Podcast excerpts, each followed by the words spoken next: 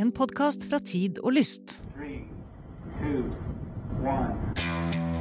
and liftoff. One, two, three, four, five, five, four, three, two, one. Enter bed. Okay, we checked all four systems, and there you go on modulation, all four, and keying with a go. Quality base here. The Eagle has landed. Det er en eh, alvorlig eh, start på denne episoden, Eirik Newth. Eh, hei til deg, forresten. Hei på deg. Det var ikke meninga å skremme deg. Nei, men altså, det er jo ikke så altså, Vi har gjort mye for uh, våre trofaste lyttere. Vi har uh, begeistret, vi har skremt, vi har overrasket. Og nå har vi altså greid den bragden å irritere noen. Og det alle som eh, holder på innenfor på måte, vårt eh, felt, eh, og nå snakker jeg ikke om romfart, men mer om kringkasting og, og fram, framleggelse av historier, er jo det at det er jo en av de tingene man ønsker å oppnå, for likegyldighet er jo det man absolutt ikke vil ha. Dette er helt sant. Så du kan framkalle glede, kåtskap eller irritasjon. Da har du på en måte lykkes. Ok, er, da er vi offisielt en suksess. Vi har, vi, er, vi har kommet til det punktet hvor vi har blitt en suksess. Ja. Men du, altså, du, du får ta det. Det er altså Jon som er litt irritert på oss. Ja. Det er ikke veldig, da, men han er litt. Ja, det, det holder. Det holder lenger, det. Eh, Vi skal Vi tar det vi kan få. Ja, de følelsene vi kan få. Hei! Hørt mye på podkapselen deres. Eh, Podkapsel? Podkapselen, det er fint, det. Nice. Jeg liker Thank you. Er Takk. Jon. Ja, takk.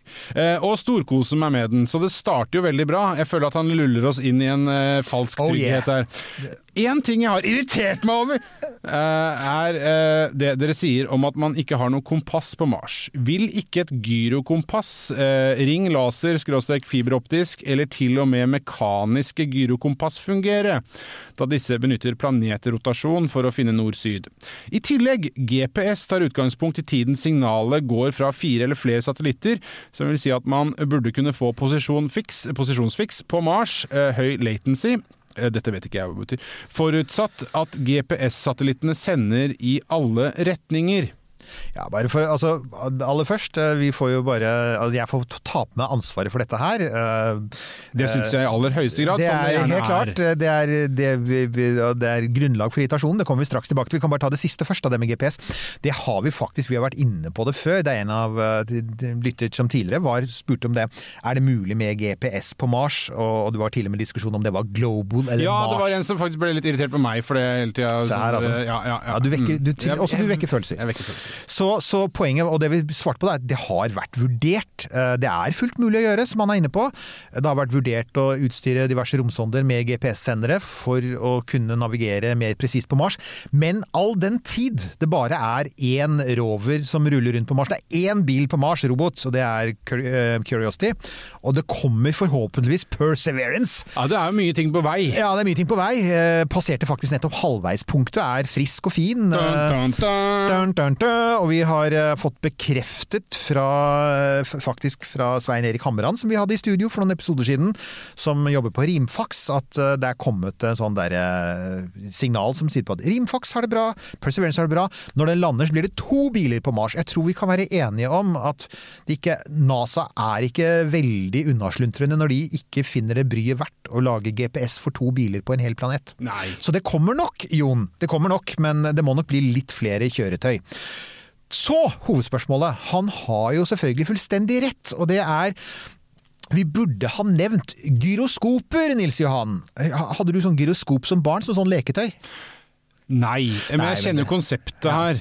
Ja. Jeg hadde det, og det sier vel kanskje litt om hvor gammel jeg er blitt, da. Men det er altså sånn, det var sånn Men du hadde jo også et, et sånt uh, sykkelhjul, hadde du ikke det? Som du gikk og så slo på med en sånn pinne. Eh, Jo, eh, ikke sant? så ruller Og, og vi ga hverandre buksevann og litt Ja, sånne ting.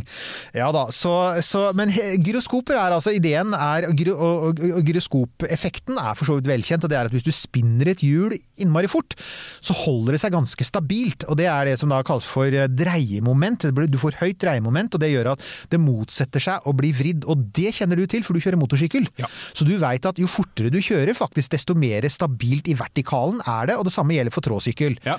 Så, så, så gyroskopeffekten den har vi alle glede av. Og denne stabiliteten den gjør at hvis du setter i gang et hjul og spinner det innmari fort, og så liksom retter det mot nord, så er det helt riktig at da kan det faktisk eh, holde seg i Altså peke mot nord. Relativt stabilt. Det er ikke 100 og det vil drifte litt over tid, men, men allikevel, ja, du kan lage kompasser på den måten. Det heter gyrokompasser. De brukes i fly, de brukes i båter, de brukes i ubåter på jorda, og selvfølgelig i rommet så er dette utrolig nyttig. At du har en sånn stabile Altså et, du har et instrument som gir deg litt sånn stabile holdepunkter på et sted hvor det ikke er opp eller ned eller høyre eller venstre. Altså Rommet er jo ikke noe retning i. Og særlig interplanetarisk rom. For eksempel uh, Perseverance som er på vei nå. Den er jo midt mellom planetene. Det er jo ikke noe opp eller ned der. Så hvordan holder den da orden på liksom hvilken retning den peker i? Jo, det er hjelp av gyroskoper. Eller da i praksis gyrokompasser, men ikke bare nord-sør, men også høyre-venstre, frem og tilbake. Altså alle, alle, alle retninger. Så, så, ja, han har helt rett i det. Og, øhm, øh, og så til liksom sånn på Mars, uh, for dette måtte jeg sjekke, og ganske riktig. Uh, Curiosity har selvfølgelig slike gyroskoper.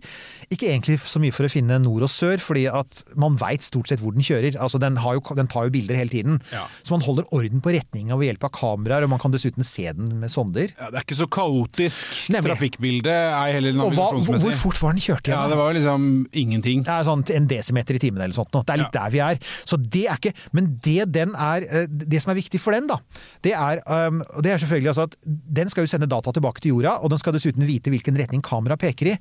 Og da trenger den disse gyroskopene som liksom gjør at du kan ved hjelp av vinkelen til gyroskopene og eh, datamaskinen om bord regne ut nøyaktig hvor jorda står på himmelen til et gitt tidspunkt ut fra Mars' rotasjon, jordas bevegelse og vinkelen. Dette er kompliserte greier, det er derfor jeg har datamaskiner, folkens. Så ja, selvfølgelig. Gyro. Gyroskoper, gyrokompasser. Eh, beklager, Jon, at vi ikke har nevnt det før, for dette er en essensiell teknologi i romfarten. Hadde ikke, vi hadde ikke kunnet lande på månen, vi hadde ikke kunnet ha romteleskoper, f.eks. Bare sånn liten eh, detalj der på slutten. Eh, romteleskopet er blitt reparert fire ganger, og det er stort sett for å bytte ut gyroskopene, som gjør, gjør at den kan peke mot stjerner og galakser. Og det er fordi at det er jo roterende hjul, det er slitedeler. Ja, for det var, det, det var nettopp det. I det du sa det, så, så slo det meg at det, er det faktisk bevegelige deler? Man har Det ikke laga det. dette med altså, med elektronikk? ja, det, er, det finnes ulike varianter. Som man sier, det finnes sånn laserring ja, Jeg er ikke ekspert på dette, men ja, det finnes. Men det som brukes i romteleskopet, f.eks., det er altså eh, Det er eh, en spinnende disk i en beholder som er fylt med olje, beskyttet av nitrogengass, og den roterer 19 200 ganger i minuttet. Og det blir en del Relativt fort. det er relativt fort, og det betyr at over tid så blir det rett og slett slitasje. Og da må den byttes ut, for hvis man ikke bytter ut gyroskopene, så vil etter hvert romteleskopet miste peilinga. Den vil ikke vite hvilken retning den peker i. Så jepp. Så takk for det. Eh, Da, da vet dere det. Gyroskoper, gyrokompasser, ting som roterer. Veldig viktig for å vite hva som er opp og ned og frem og tilbake i rommet. Til, ja, for de som da ennå ikke har eh, Eller det, det var dumt av meg å si. Jeg skal si det at dette er en episode av eh, Spørsmål og svar. den glade uh, podkasten Romkapsel, hvor eh, Eirik i all hovedsak eh, svarer på spørsmål fra eh, våre kjære lyttere. Det gjør vi titt og ofte, fordi det kommer altså så uh, veldig masse spørsmål. Det er vi selvfølgelig veldig glad for. Setter pris på det. Fortsett å sende oss spørsmål. Eller Eirik, da. Det er jo han som svarer. Og Eirik er jo en kunnskapsrik og også innmari høflig fyr. Så du svarer jo på Jeg svarer stort sett på alt, ja. alt. Jeg, jeg, er, jeg ser at uh, gjennomsnittlig svartid på vår Facebook-side er patetisk lav.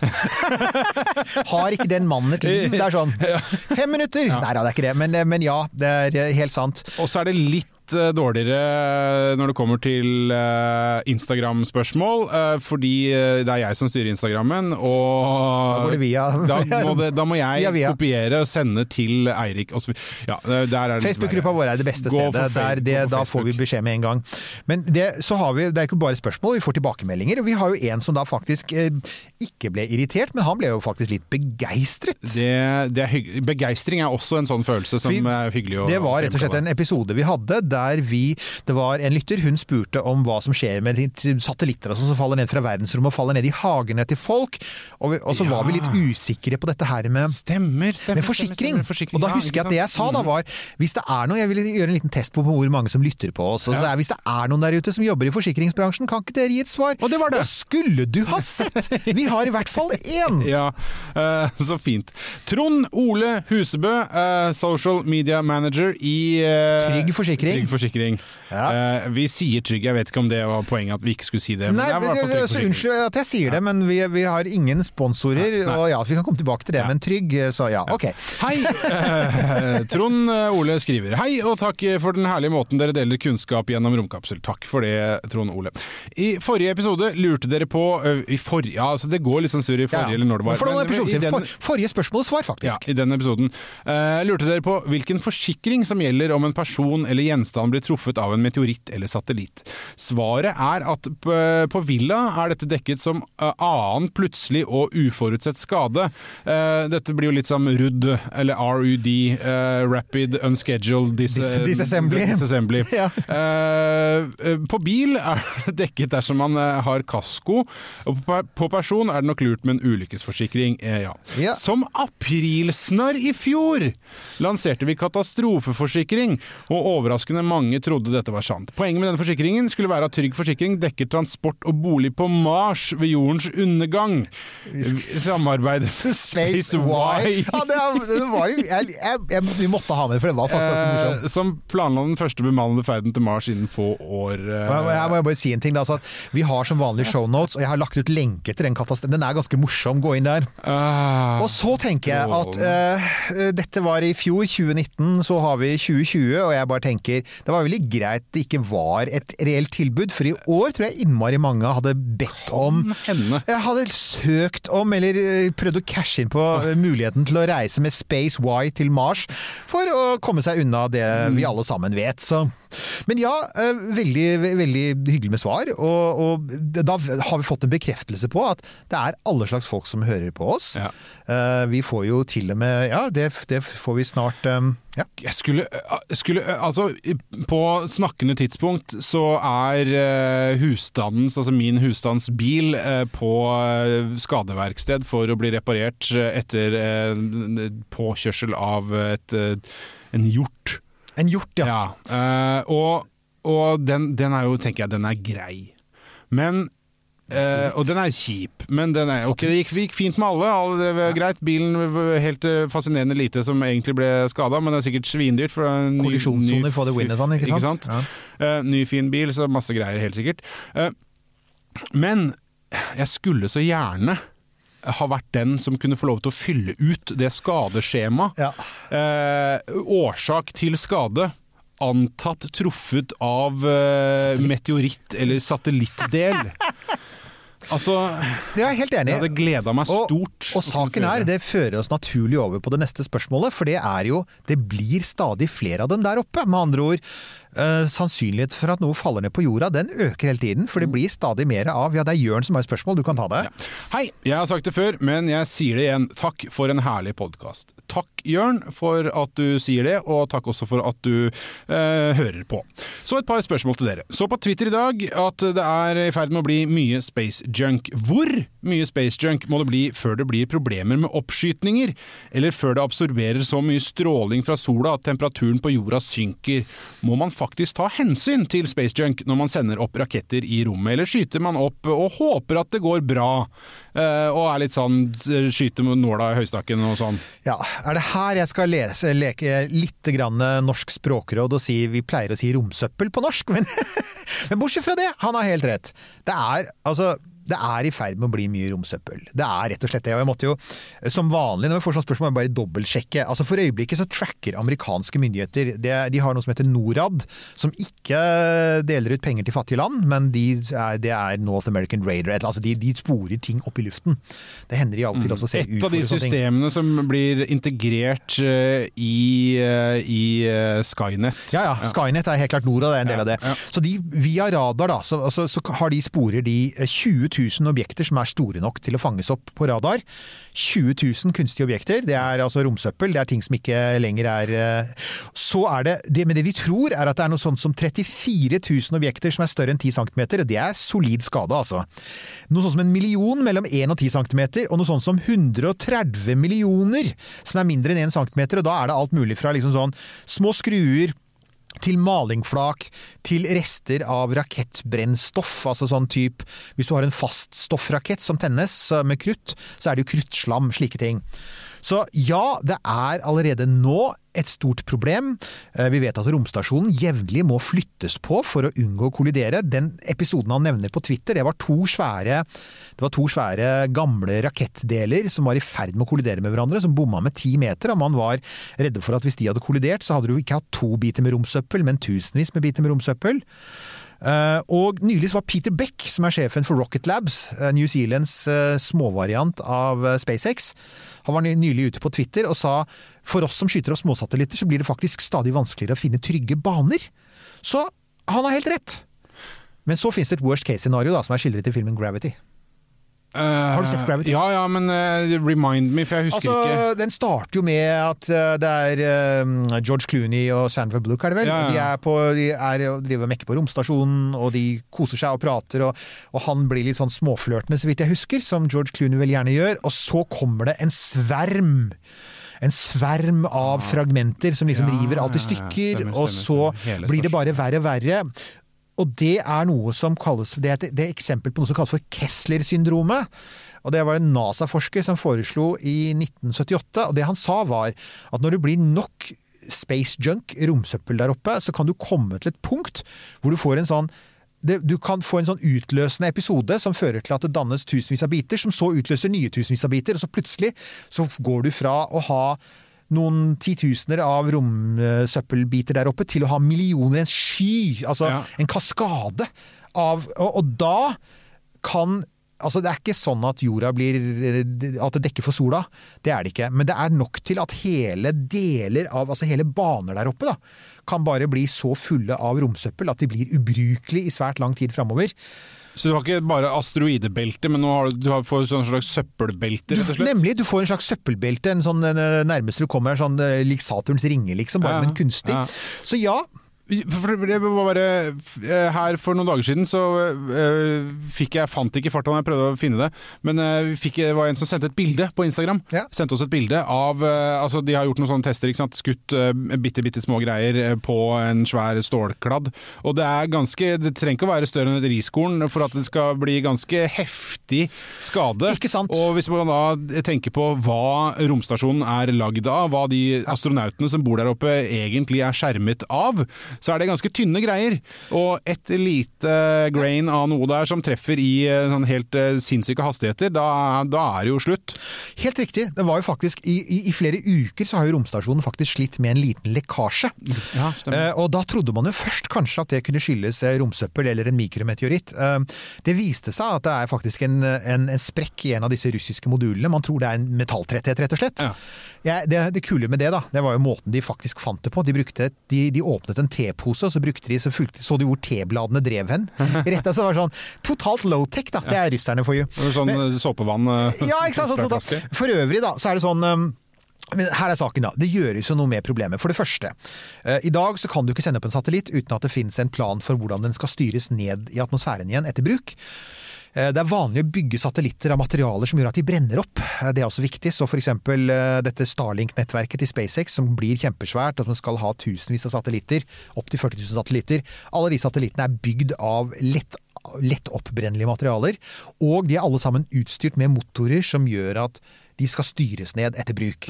Selvfølgelig, noen satellitter vil svikte, man har funnet ut at foreløpig har 3% av satellittene man mistet kontakten med, så det vil alltid være noen igjen, men den overveldende majoriteten, man tror noe sånn som 99 av nettverket til, til, eh, til SpaceX, vil faktisk bli tatt ned. Og som den gode Peter Beck sier, han mener jo at vi trenger en um, romtrafikksentral. Det har vi nemlig ikke, sånn som vi har i lufttrafikken.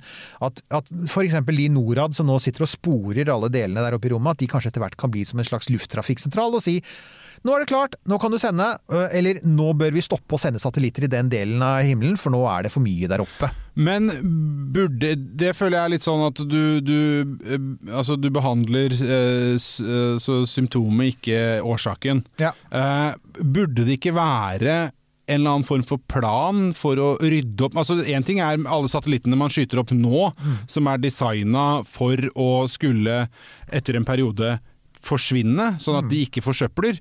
Men hva med alt det som er der oppe, eh, som er ting som, som vi har lagt igjen?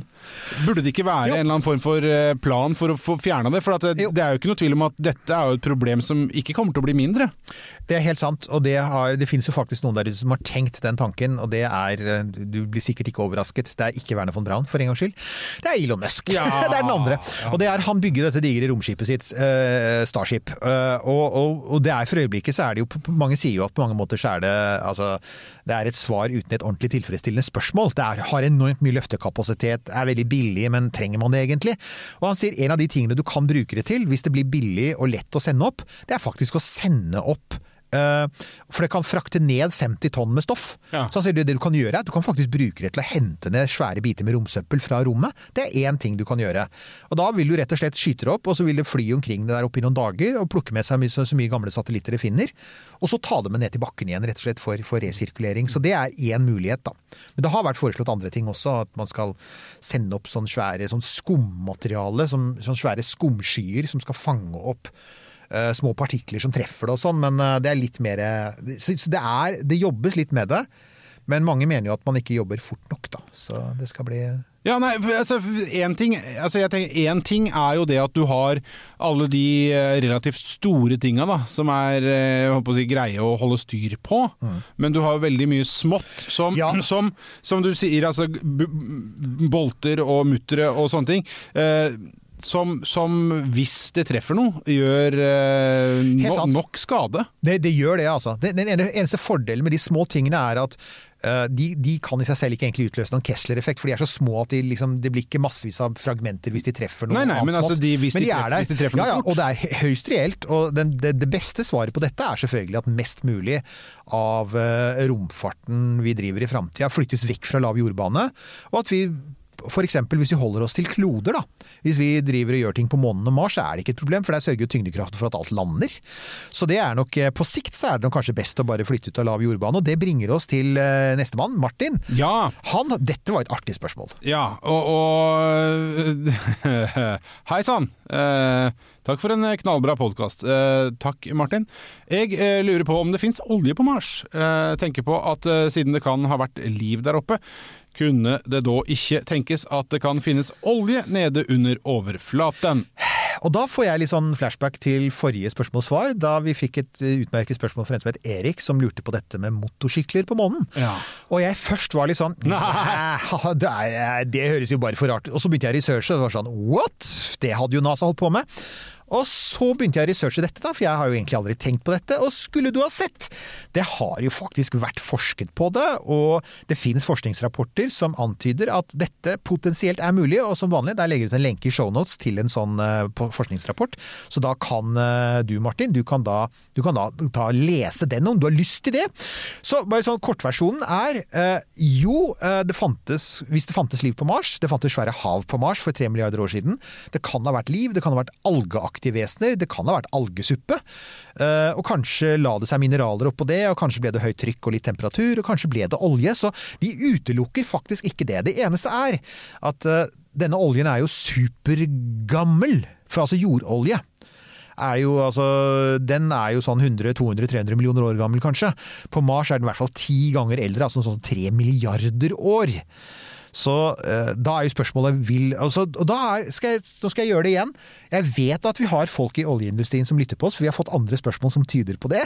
Hvis det er en sånn petroleums... eh, Hva er det? Geolog? Ingeniør? Nei, geolog. geol- ge- ja, ja, oljegeolog. Eh, Gi gjerne tilbakemelding om du er der ute, og si er det realistisk å tenke seg at olje f.eks. kan ligge under bakken i tre milliarder år og fremdeles være flytende, enn si liksom drivverdig?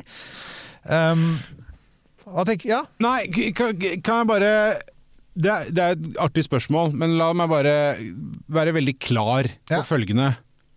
Kan vi drite i å ta opp olje Ja, ja. fra Mars hvis det skulle være der?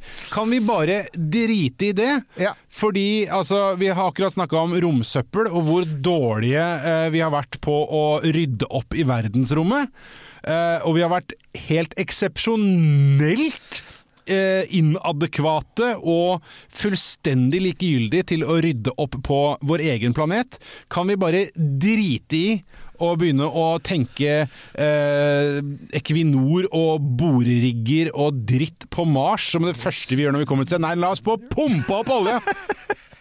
Så, så neppe noen sponsormidler fra Equinor der, ja. Men eh, og vår, jeg tror også vår husrometiker ville ha et eller annet å si om det. Men du har helt, altså saken er, for det første vi kan jo ikke brenne den, for det er ikke oksygen på Mars. Så det, vi har jo faktisk fått spørsmål om det òg. Kunne man ikke bruke bensinmotorer på Mars? Og de sier nei, for du trenger oksygen til det. Og det lille som er oksygen, vil vi jo heller puste. Eh, Det andre er selvfølgelig at hvis det i det hele tatt fins, da, så er det klart at det er først og fremst en innmari interessant indikator på at det har vært liv på Mars. Det er antagelig lite av den, og den, den Altså, man vil jo gjerne undersøke den for å se hva i all verden var Fair som- enough. sant? Fair enough.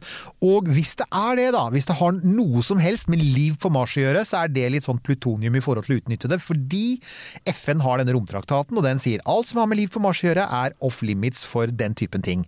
Så, så, eh, så, vi, så vi kan godt uh, ikke Vi kan godt drite i det sånn i utgangspunktet, Ja. men dessuten så tenker jeg liksom sånn Det er nok, noen, det er nok av juridiske begrensninger på det. Men spørsmålet det var innmari artig, for det er helt sant. Og det er selvfølgelig hydrokarboner, altså rett og slett fossile brennstoffer. Fins de der ute? Og, og ja, de kan finnes på Mars, på samme måte som man jo faktisk tror at de kan finnes på Saturnmånen Titan, er det vel. Så kan det også finnes varianter, altså sånn tjæreaktige og oljeaktige materialer. Så det er ikke nødvendigvis bare her det er, altså. Så, så ja. Hvis du også har lyst til å lage podkast, så må du ta kontakt med oss i podkastbyrået Tid og Lyst. Vi holder til på Grünerløkka, har verdens hyggeligste studio, som selvfølgelig har nydelig lyd. Det kan du jo høre. Vi er dessuten skikkelig gode på innhold og produksjon. Send en mail til pia at tid og lyst, så snakkes vi.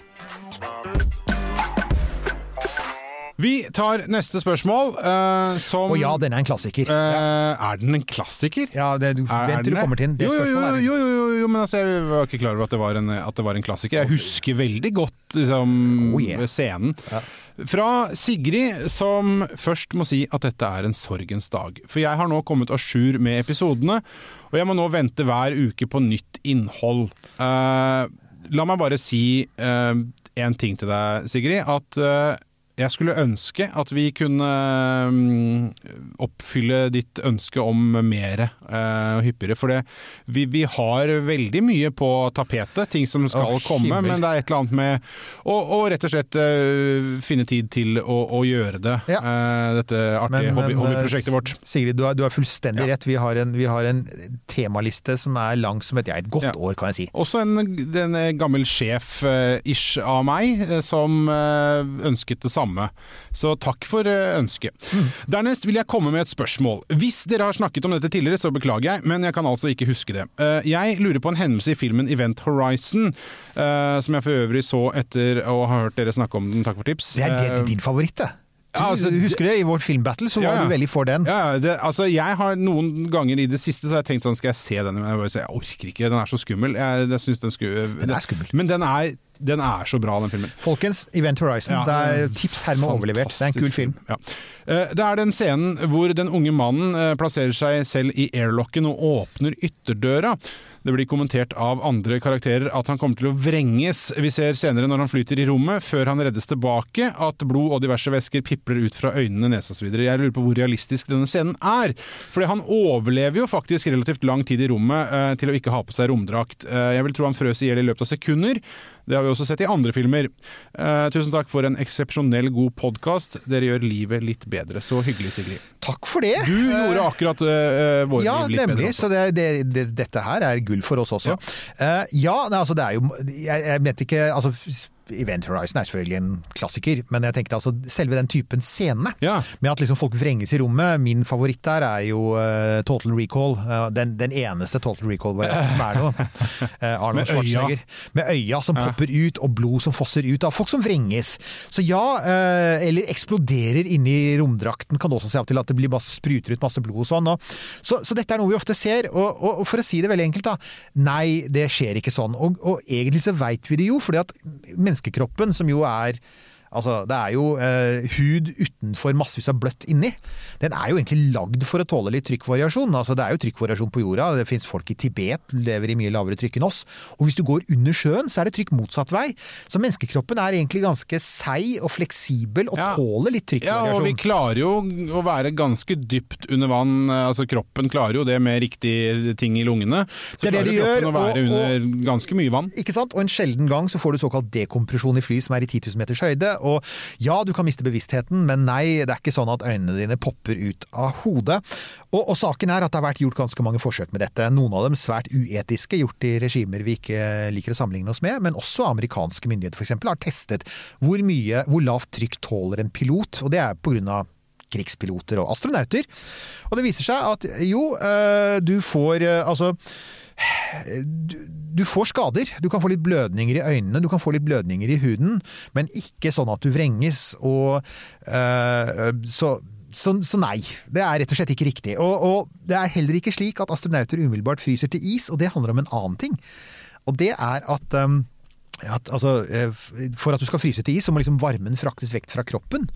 Eh, og for å frakte varme vekk fra kroppen, så vet vi at vann er veldig effektivt. Det vet alle som har badet, at du skal bare litt kjølig vann før du begynner å fryse skikkelig. Luft er mye mindre effektivt. Eh, du kan være faktisk, Det er som badstueeffekten. Du kan være naken om vinteren ute ganske lenge før du virkelig blir farlig. Eh, vakuum er enda mindre effektivt, så faktum er at du mister varme ganske langsomt i rommet. Du vil til slutt fryse, det vil du, men, men det tar veldig lang tid.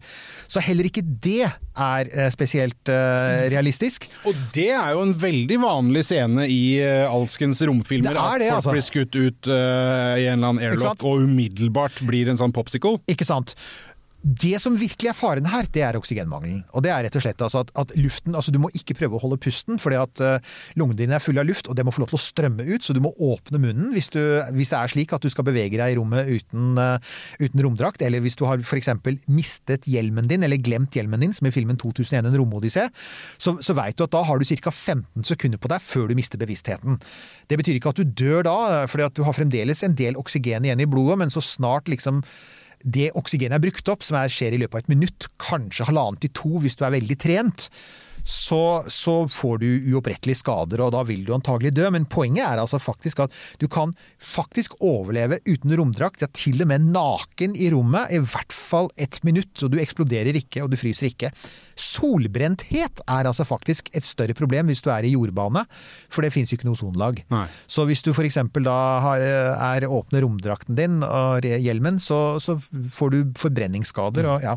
For, det, og- for da kommer jeg til det som, det som eh, Grunnen til at uh, han putter seg sjøl i denne luftslusa da, og skyter seg ut, er jo det at uh, han er fanga på ett sted og Ja. må til et annet Ja. uten å gå gjennom et område hvor det er noe farlig, hvis jeg ikke husker helt feil. Uh, og da er det sånn, dette kan du gjøre, vi tar deg imot på andre sida. Ja. Og det man da, sånn som jeg forstår deg, det man da skal gjøre hvis man finner seg selv i en sånn situasjon, hvilket blir stadig mer realistisk, men Kommer til å skje før eller siden. Ja, ja. Er jo det at du skal oppføre deg nesten på samme måte som du gjør hvis du skal stige opp fra dykking. Ja. Eh, hvor, du, hvor du på en måte skal holde en jevn utpust av den Ja. lufta du altså, Dette her lærte jeg da jeg tok sånn PADI dykkersertifikat i, i, Se her, eh, avslører stadig nye sider ved deg selv. i i Spennende. Ja. Eh, og hvis du da på en måte må opp eh, fordi du har gått tom for luft Ja. i scubautstyret ditt, eller andre årsaker, så skal man jo da eh, puste ut hele veien opp. Ja. Uh, for å bli kvitt uh, den lufta man har inni seg, og så komme opp og trekke pusten. Ja. Så det er det samme man gjør da. Det er egentlig det. Så ja, nei, dette her er um, det er som sagt, det, er, det har foreløpig ikke vært aktuelt, men på et eller annet tidspunkt kan det skje. Og, og det det egentlig betyr, er at en eller annen gang i fremtiden så kan vi se en redningsaksjon hvor det f.eks. er slik at det er for, for mange det er for mange folk i forhold til romdraktene. Ja. At vi må faktisk frakte folk fra punkt A til punkt B gjennom tomme rommet. Uten romdrakt, og da sier jeg at det lar seg gjøre uh, hvis, du, uh, hvis det tar mindre enn et minutt. Altså, Ja. altså hvis du er nær fra en, en, en luftsluse til en annen, så, så, så går det faktisk. Så, Ja. ja. Yes, Det gjorde rommet til et litt mer eh, hyggelig sted å være. litt mindre dødelig. Ja. Hei sann, skriver Kristoffer. Jeg er lærerstudent og har bl.a. naturfag som et av mine fag. Derfor setter jeg pris på deres podkast og digger innholdet. Veldig hyggelig at Og vi kan bidra. å han, altså Som lærer så kommer han til å elske vår neste altså del to av Sunniva Rose-samtalen vår. Ah, ja. For det er, det er en sann fryd av en forelesning fra hennes side. Definitivt. Da kan Ja. du lære alt Der kan du lære så mye, Kristoffer! blir det en eh, bra eh, time om Du kan, eh, bare, du kan sette den på, du kan sette den på, så kan elevene dine høre på Sunniva, og så kan du gjøre noe annet i mellomtiden. Ta deg en kopp kaffe. Når vi snakker om å kolonisere Mars, så er det et lite problem når det kommer til tid. For det første er døgnet på Mars ca. 40 minutter lenger enn oss, som eh, i seg selv ikke er så langt unna, men ett år er jo omtrent dobbelt så langt på Mars. Skal de ha en egen kalender, eller skal de følge jordas kalender? Ja, og han har jo fullstendig rett. For det første, helt riktig, 24 timer og 40 minutter er jo Mars-døgnet. Og, og vi har jo egentlig ikke forsket noe særlig på det, fordi at all, alt, altså Fram til nå så har liksom tanken til NASA vært at vi skulle ikke bo på Mars. Vi skulle besøke Mars som forskere. Og hvis du er på Mars f.eks. i seks måneder, så vil du kunne leve med litt lengre døgn. Det, det går helt fint. Du vil liksom kunne justere litt og sånn. Eh, Men, eh, men eh, vår venn Elon han vil jo faktisk at du skal bygges byer på Mars, og da må alle de som bor der, de må jo da forholde seg til et lengre døgn. Jeg vet ikke om det er noen søvnforskere som hører på oss, men så vidt jeg har skjønt av dette, så mener man at dette, dette er ikke uoverkommelig. Vil, man vil kunne tilpasse seg en litt annen, for det er såpass lite forskjell, da. Eh, Det andre spørsmålet er jo eh, dette med kalender, og det er jo helt sant. Altså, det er jo eh, altså, Jordkalendere er basert på for det første jordas rotasjon, altså døgnet, og så er det basert på hvor lang tid jorda bruker rundt sola, det er året. Og så er det den tredje tingen som er viktig for oss, det er at vi har jo en, har jo en ekstremt stor måne. Og den dominerer eh, nattehimmelen på en måte som gjør at veldig mange kalendere på jorda også har tatt i bruk den. Vi har måneden, og vi har uka, som egentlig bare er avstanden mellom hver månefase fra halvmåne til, til eh, fullmåne, f.eks. Så ingenting av dette har jo Mars. De har jo en helt annen tid rundt sola. Eh, De har jo en annen tid å rotere rundt seg selv. Og Mars har to små måneder, men de er helt verdiløse til å bruke til tidsmåling, for de går rundt bare på noen få timer. Deimos og Phobos. Så det man sier da, og her er greia, en Mars-dag kaller amerikanerne har funnet på dette. Og det er litt forvirrende for oss som er norske, for at en, de kaller en Mars-dag for en sol. Ja, Det er ikke sant? Sol. Kan jeg bare da få lov til å skyte inn at dette begrepet sol eh, lærte jo de aller fleste av oss. Nå snakker jeg for meg og sånne som meg, ikke for deg. Eirik, som sikkert visste om dette fra før av. Okay. Vi lærte det i uh, The Martian. Uh, film- Ja, riktig. Martian var bra der, ja. Som er umulig For der står det sånn Sol Ja. 541. Ikke sant? Ja. Og da vil jeg bare si at uh, det var altså så eventyrlig gøy. Eh, å høre Svein Erik Hamran bruke ordet soll uh, med på fullt Ja! alvor oh. uh, i episoden hvor vi snakker om rimfaks. Uh, hvis du ikke har hørt den allerede, så bare gå og gjør Ja, det det. er, for at det, det er bare Det er helt er så deilig å høre han fortelle om uh, NASA og hele alt det, det prosjektet der. sånn. Kjempegøy. Kjempegøy! Takk for meg. Jeg er, kan ikke si noe annet enn at jeg er enig, men ja, det heter Sol. Og Mars, et, et Marsår er 668,59 sols langt. Og det sier seg sjøl at det er veldig langt unna våre 365,2422, som er lengden på jordåret. Det er, det, er, det er sånne ting som vi astrofysikere vet. så, så det man gjorde man har gjort, det, det har vært gjort mange forsøk på dette. For Poenget er at kalendere er jo en menneskelig konstruksjon. Du kan jo dele inn året på alle de måtene du vil, og gjennom historien så har vi delt inn året på mange rare måter. Så da, eh, på, på 1980-tallet så var det da en fyr som oppkalte en Mars-kalender etter sønnen sin. Han kalte den for Darian-kalenderen. Jeg legger ut en lenke til den i shownotes. Den deler Mars-året inn i 24 måneder. Det er litt smart, for det er to ganger tolv, så det blir liksom litt sånn, det er en viss kobling til jordkalenderen. De fleste av disse kalender- Mars-kalenderne har 28 sol i seg. Um, Uh, og det vil si at du får uker, på, altså fire uker på sju dager. Man har funnet ut at en uke er lur å ha, bl.a. pga. arbeidstid. Det er en god grunn til at du liksom jobber fem dager og har fri to. Det er veldig mange kulturer har funnet på det. Og da dagene heter noe sånt noe som eh, Sol Solis, morsomt.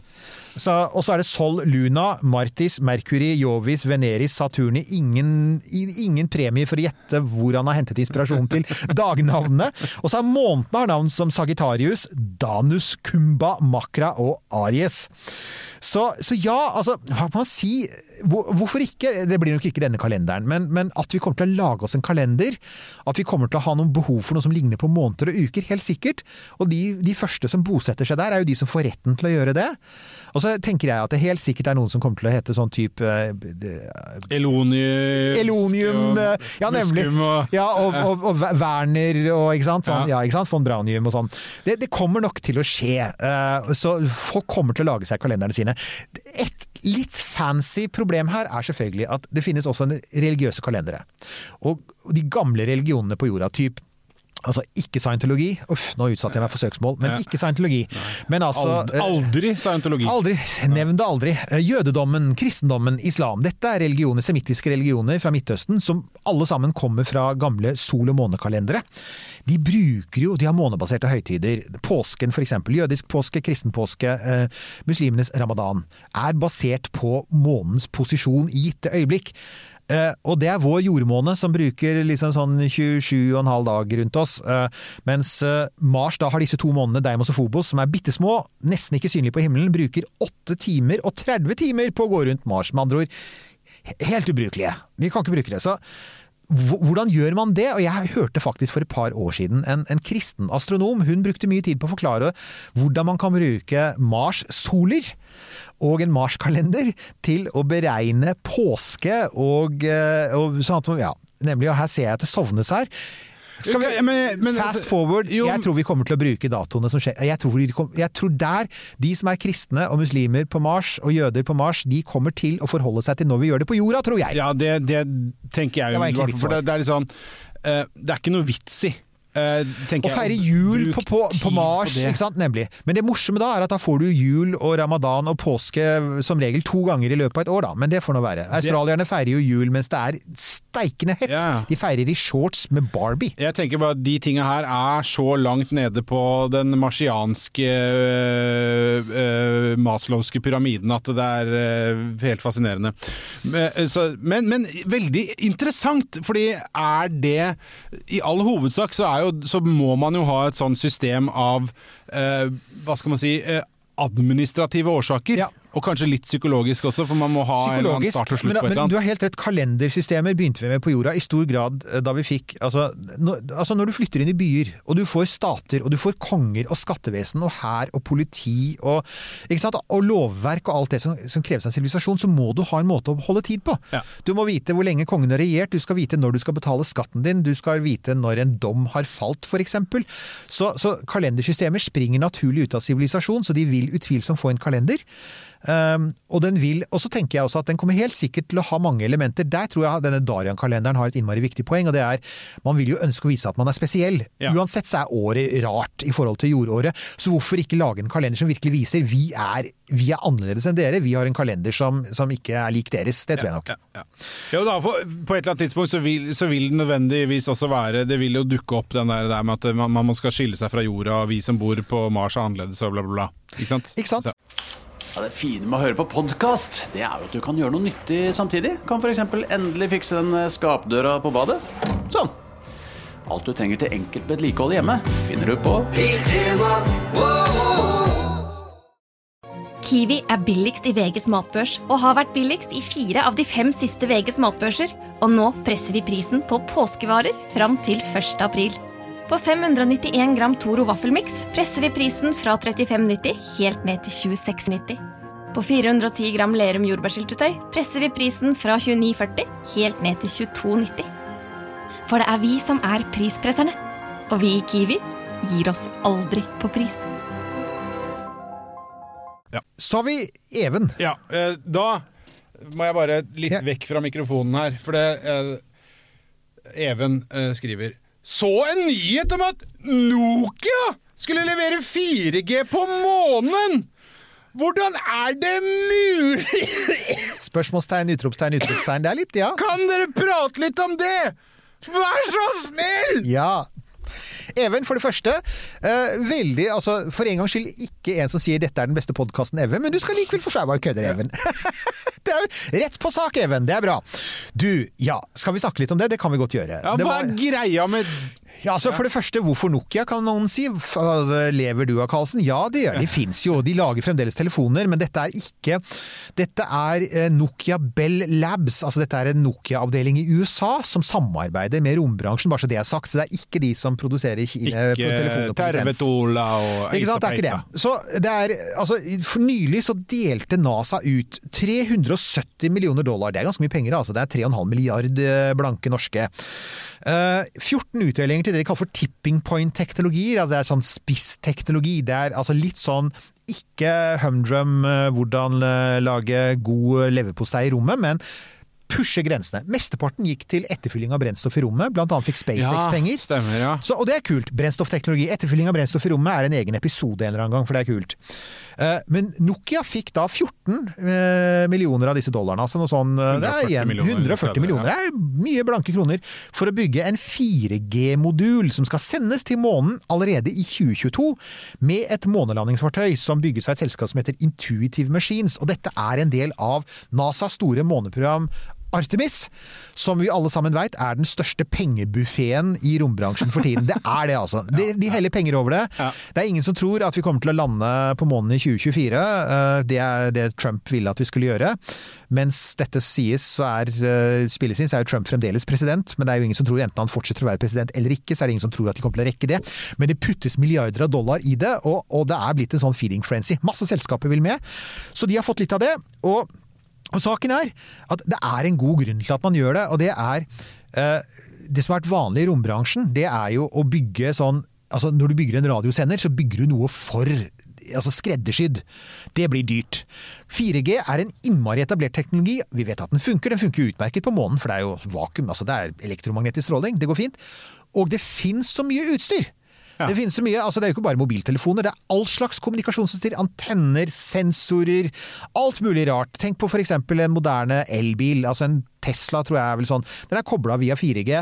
Har en drøss med sensorer som kommuniserer via 4G. Det er jo det man ønsker å gjøre på månen også. Å bruke kjent, velprøvd teknologi som ikke er veldig, veldig dyr å konvertere til månebruk. Hvis man kan få 4G til å funke. Ja. Så det er rett og slett bare, det er bare repurposing Det er av en kjent teknologi? det er sunn fornuft, Ja, ja. og det det egentlig handler om er noe som NASA har, har begynt å gjøre i det siste, og det er å si hvorfor liksom gjenoppfinne hjulet? Vi gjør det gang på gang på gang. Vi tar i bruk mer eksisterende forbruksteknologi, og på den måten kan vi spare penger. Veldig unasask å skulle liksom gjøre det på en litt mer rasjonell måte. Men det er vel her vi skal si det igjen, da. Det er jo Jim Bridenstine. Han er ganske dyktig. Jeg har faktisk sett folk som er ute på Twitter nå, da, eh, som sier hvis det skulle bli en ny president, Joe Biden, ikke spark Jim Bridenstine. Han er den fra den forrige administrasjonen du bør beholde, for han er faktisk dyktig. Så er det en ting, da selvfølgelig, som vi har vært inne på, øh, og som, som vi har vært inne på noen ganger. Øh, verdensrommet har mye hard stråling. Det er mye stråling på månen. Så elektronikken må herdes. Det vil si at den må beskyttes øh, mot strålingen, for ellers så oppstår det feil i elektronikken. Ener og nuller kan bli til null og én, og så kan ting krasje. Du må ha litt sånn der feilkorrigeringssoftware, og du må, altså, du må rett og slett du må bygge en modul som, som minner om det du har på jorda, men som tåler den mye høyere bakgrunnsstrålingen. Det, det er sånn det, og, og så må det være solcelledrevet, selvfølgelig. Så, men ja. But of course.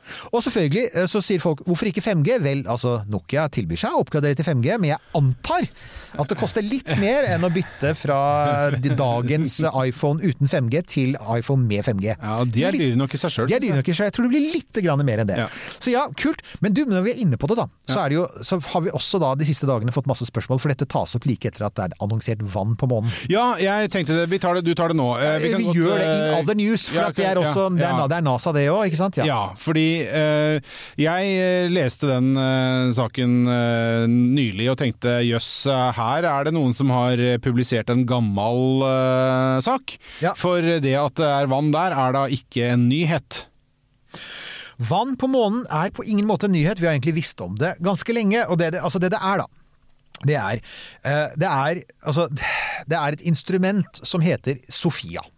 Og det i seg sjøl er ganske gøyalt. Ja, bare si det. Sofie er egentlig det er rent ut sagt dritkult. Altså, det er ikke bare romteleskoper der ute, det er ikke bare bakketeleskoper. NASA, men også andre, men særlig NASA, har eh, sendt opp teleskoper om bord i fly. Og det de da gjør Sofia er altså rett og slett et infrarødt teleskop, altså varme, varmestråling, eh, som er plassert i en jumbojet, Boeing 747. De har, det er skjært et svært høl i veggen på, teleskop, på, på flyet, og ut av det hølet så stikker da Sofia, eh, teleskopet, titter og ved å fly i maks høyde for 747, så er det over 99% av atmosfæren. Da er det også over vanndamp, og, og vanndamp er en hindring for infrarød stråling. Så med andre ord, det er ikke fullt så bra som å være i rommet, men det er 99% av veien til å være i rommet, til mye lavere kostnad. Så det de gjorde var å ta dette infrarøde teleskopet, rette det mot månen, og da så de at på den delen av månen som er belyst Vi veit jo at det finnes is på månen i krateret nær Nordpolen og Sørpolen, hvor det aldri er sollys, nede i bunnen av kraterne. Men på den delen av månen som er belyst, har man da også funnet spor etter vann. Og det da NASA sier, og Jim Bridenstine sier, er dette er første gang vi har fått bekreftet at det ikke bare finnes vann nær Nordpolen og Sydpolen, men at det også finnes vann f.eks. nær ekvator, der solen baker hver 14. dag, eller baker 14 dager av gangen. Og alt jeg kan si på det er at akkurat nå så er det innmari mange russere som er innmari sure. Ja, fordi Fordi saken er, dette er heller ikke en nyhet. Allerede i 1976 så hadde sovjeterne en sånn eh, romsonde som heter Luna 24. og eh, Sovjeterne var rå på to kloder. Månen med romsonder, ikke med mennesker, og, og Venus. Det har vi snakket om før, at de var gode på Venus. Og Luna 24 dro til månen, landet på månen, bora to meter ned i bakken, tok med seg noen hundre gram med månestein, la det om bord i romsonden, sendte det tilbake, og så landet de i Kasakhstan, hvor de ble hentet ut. 1976. 1976, og dette er det NASA har lyst til å gjøre på Mars, som heter sample return. Sovjeterne har vært der for lenge siden. De er de eneste som har gjort sample return fra en annen klode. Og da det ble analysert, etter at det var fraktet ut av uh, noen svette hender i Kasakhstan, og ikke via Nur-Sultan det var, det var før Ja, Nur-Sultans tid, men tid. det var, mens det var en sovjetrepublikk, så ble det sendt til Moskva, det ble analysert, og da fant man faktisk litt vann i det månestøvet. Amerikanerne trodde ikke på disse resultatene, dels fordi det bare ble publisert på russisk, men også fordi at Apollo-astronautene tok med seg 300 kg med månestein, og det var knusktørt. Ja. Så de sa nei, her har nok russerne fucka opp, rett og slett. De har antagelig fått litt fuktighet inn i instrumentene sine. Så viste det seg at nå har USA bekreftet det russerne da faktisk demonstrerte for i, i 1976, ikke sant? snart 50 år siden. Så, så, eh, så det man da kan si er ja, hva betyr det? Ja, det er ekstremt små mengder. Eh, Dette er, ikke, dette er ikke drivverdig. Det er bare en bekreftelse på at det finnes noen prosesser på månen som funker der, som, som fremdeles funker. For det, dette er ikke gammelt vann, det er ganske nytt. Det kan komme ned med mikrometeoritter, f.eks. Små isklumper fra verdensrommet. Kanskje er det solvinden som er partikler, det har vi jo snakket om før. Det er partikler som da kan vekselvirke med oksygen og danne vannmolekyler. Man vet ikke helt, men det det egentlig bare bekrefter er at månen er ikke så knusk, knusk, knusktørr som man trodde, rett og slett. Så det er kult. Ja. Eh, og da var jo eh, alt denne, denne nyheten av vann og Sofia-teleskop og sånn Dette, Jeg ser, jeg ser bildet av Jeg måtte google og finne bilde av det. Vi skal legge til showet at Det Sofia er kul. det Det fins jo, jeg følger jo romtwitter, amerikansk romtwitter, det fins jo faktisk en liten konspirasjonshistorie der, for de sier Sofia-instrumentet har vært truet en stund. Eh, Det er ganske dyrt i drift, selv om det er billigere enn å ha en romsonde. Man har lurt litt på hva som er poenget med det, og dette kom veldig beleilig. Altså, de, de, altså, fordi at, som vi var inne på, og grunnen til at vi nevnte det i forbindelse med Nokia, det er en feeding frenzy. Alle vil koble seg på Artemis, for det er the biggest show in town. Måneprogrammet. Hver eneste bedrift eller hver, hver eneste liksom forskningsinstitusjon som kan koble seg på måneshowet til NASA, da har de liksom sikret inntekter i årevis framover. Og det de egentlig sier er vi som driver Sofia-teleskopet, vi kan levere fine infrarøde observasjoner av månen i mange år framover, og kan hjelpe dere til å finne det vannet dere er på jakt etter. Hvis dere gjerne, ikke sant? Så, så det er de som sier at dette er- Altså, det at de går ut og er så innmari klare på at vi er de som har funnet vann på dagsiden av månen, Ja. eh, det blir sånn Ja, det, det, det er folk som sier de, de, tar litt ekstra hardt i, for at det, det hjelper dem kanskje til å beholde bevilgninger som de trenger. Og det kan godt være. No collusion! There was no collusion. Ikke sant? Ja. It's, not, it's not the crime, it's the cover-up. Ja. Men Ok, så, eh, så til dagens siste, vi- som faktisk også handler om måne. Ja, ja. Eh, Lars er Erik, eh, Lars Erik eh, skriver Hei, nettopp hørt meg gjennom samtlige episoder. Får ikke nok. Eh, igjen, eh, tusen takk, Lars Erik. Hørte du det, Even? Eh, ja. Elsker nerdenivået dere har lagt dere på. Uh, oppdaget dere via uh, Konspirasjonspodden? Ja, igjen takk til Konspirasjonspodden. Uh, til neste gang dere har eh, lyttere spør ja, Og det dette er nå- neste gang! Det er, det er Der neste er gang. vi! Neste gang er nå. Dette. Herregud, Lars Erik, dette er tidsreise. Eh, så slenger jeg ut eh, Nei, da må jeg omformulere. Jeg slenger ut en påstand, spørsmål. Jorda har tre måneder, ja eller nei? Nei. Nei, ok, ja da. Litt avhengig av hvordan du spør. For det er greia. Altså, hva regner du som en måne? Det man sier da er måne er naturlig satellitt. Eh, For at, altså, det er jo det gamle ordet for måne. Er, og, og før vi fikk kunstig altså, Det finnes i prinsippet kunstige satellitter og naturlige satellitter. Ting som ikke er bygd av oss, og som har vært ute i solsystemet.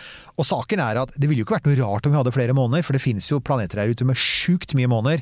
Saturn har for øyeblikket rekorden. Når dette tas opp, så har Saturn 82 måneder, men det er helt sikkert flere. Vi finner stadig nye. Jupiter ligger på, eh, på, på 79, tror jeg. Jeg har nettopp sagt at Mars har to, selv om de er små og litt kjipe.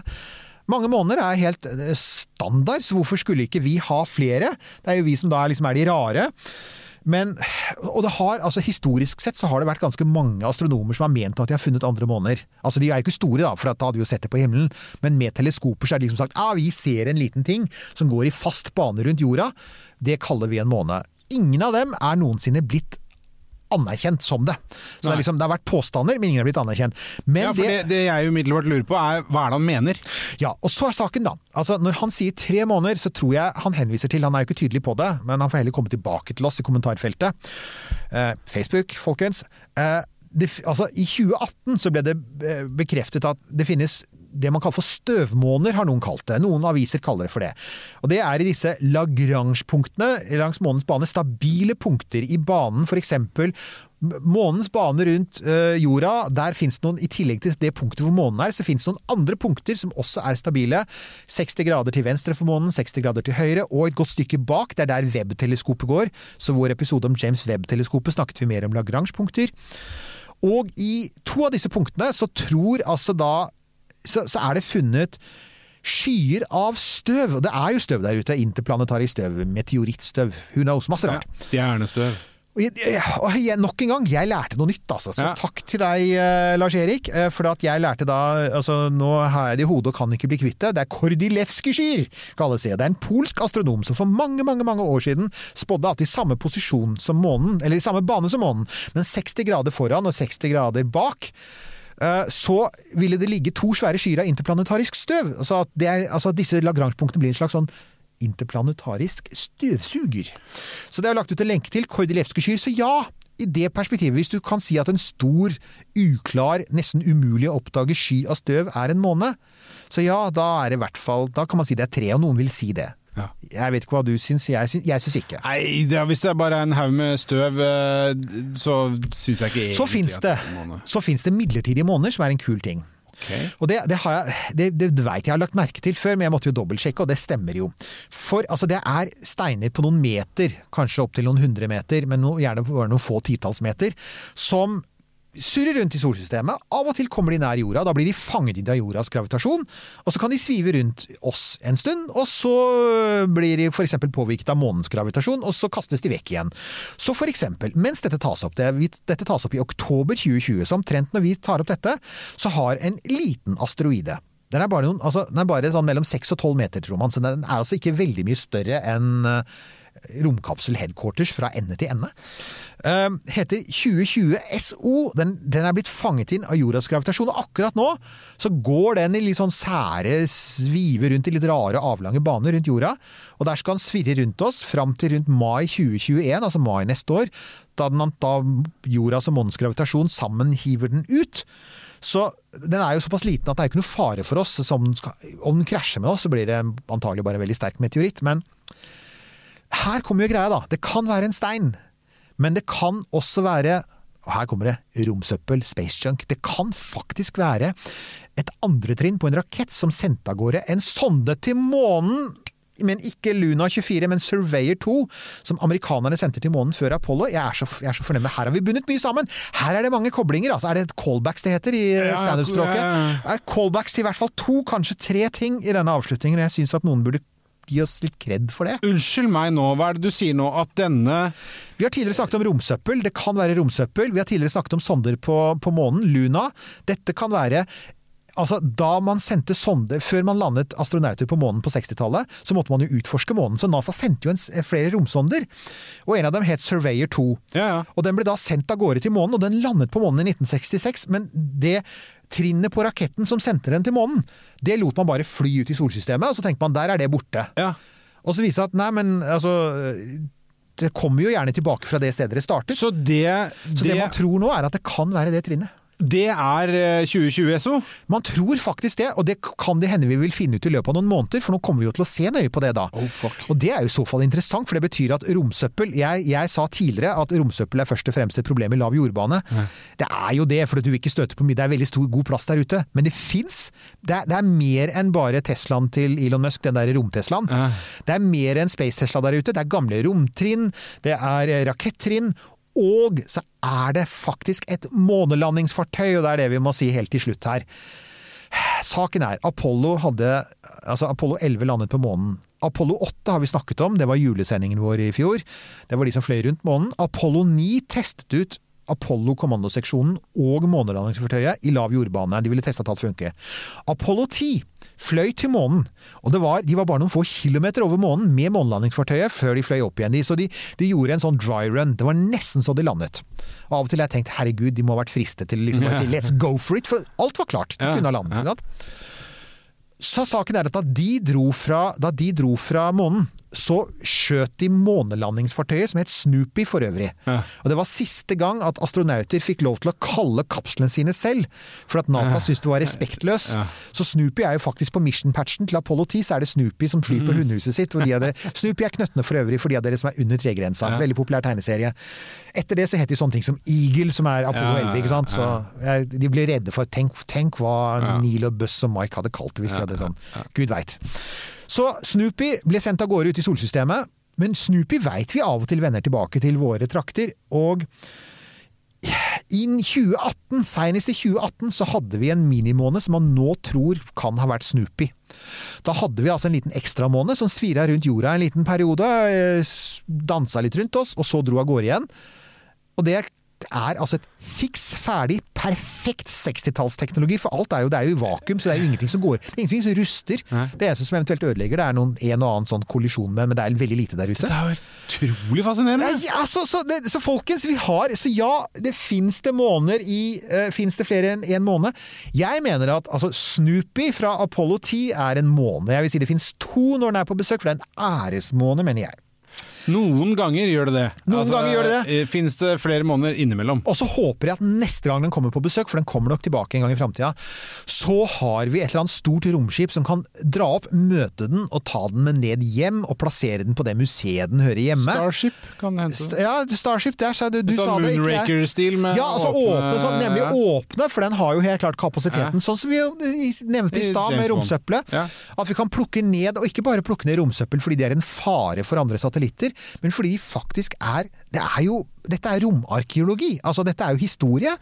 Og Dette er sånn hente- Viger-moment. dette er Vigerum og Mulig du bør forklare referansen, Nils Johan.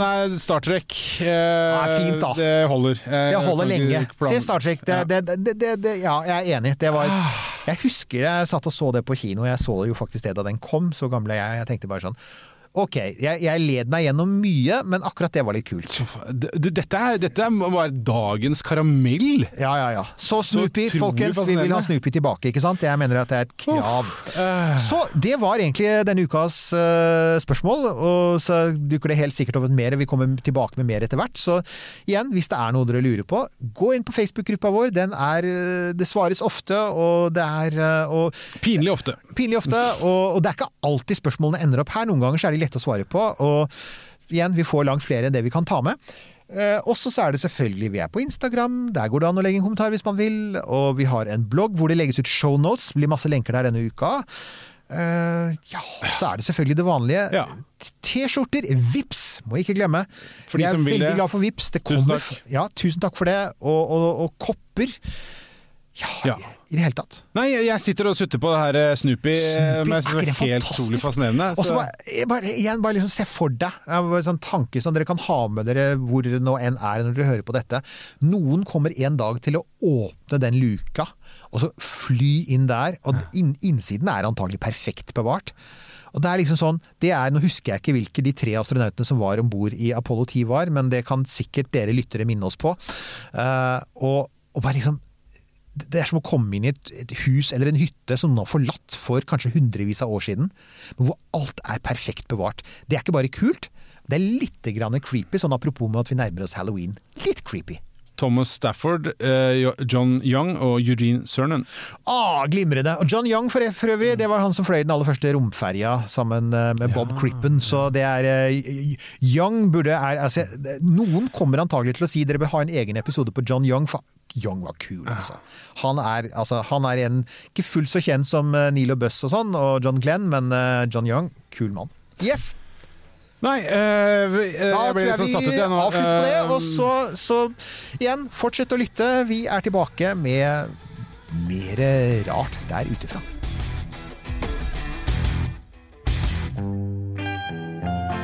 Denne Podkasten er produsert av Tid og Lyst.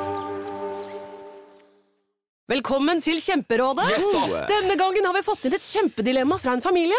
Jeg leser Hei, vi er litt uenige i familien her. Mm. Hvis du skulle vært et dyr, ville du hatt gjeller eller vinger? Oi, den er tricky. Ja, Hva ville dere hatt, da? Altså, jeg vet ikke, men Med familierabatt får de ubegrenset data fra Telenor fra 399 kroner. Da kan de jo scrolle seg til svaret, rett og slett. Ja, ok, Men for min del Ja. gjeller. Nei, nei, Gjeller? Nei. nei, vinger. Nei, nei, Ja, gjeller. ok, ja, kjempebra. Men eh, se nye mobilabonnement på telenor.no. da.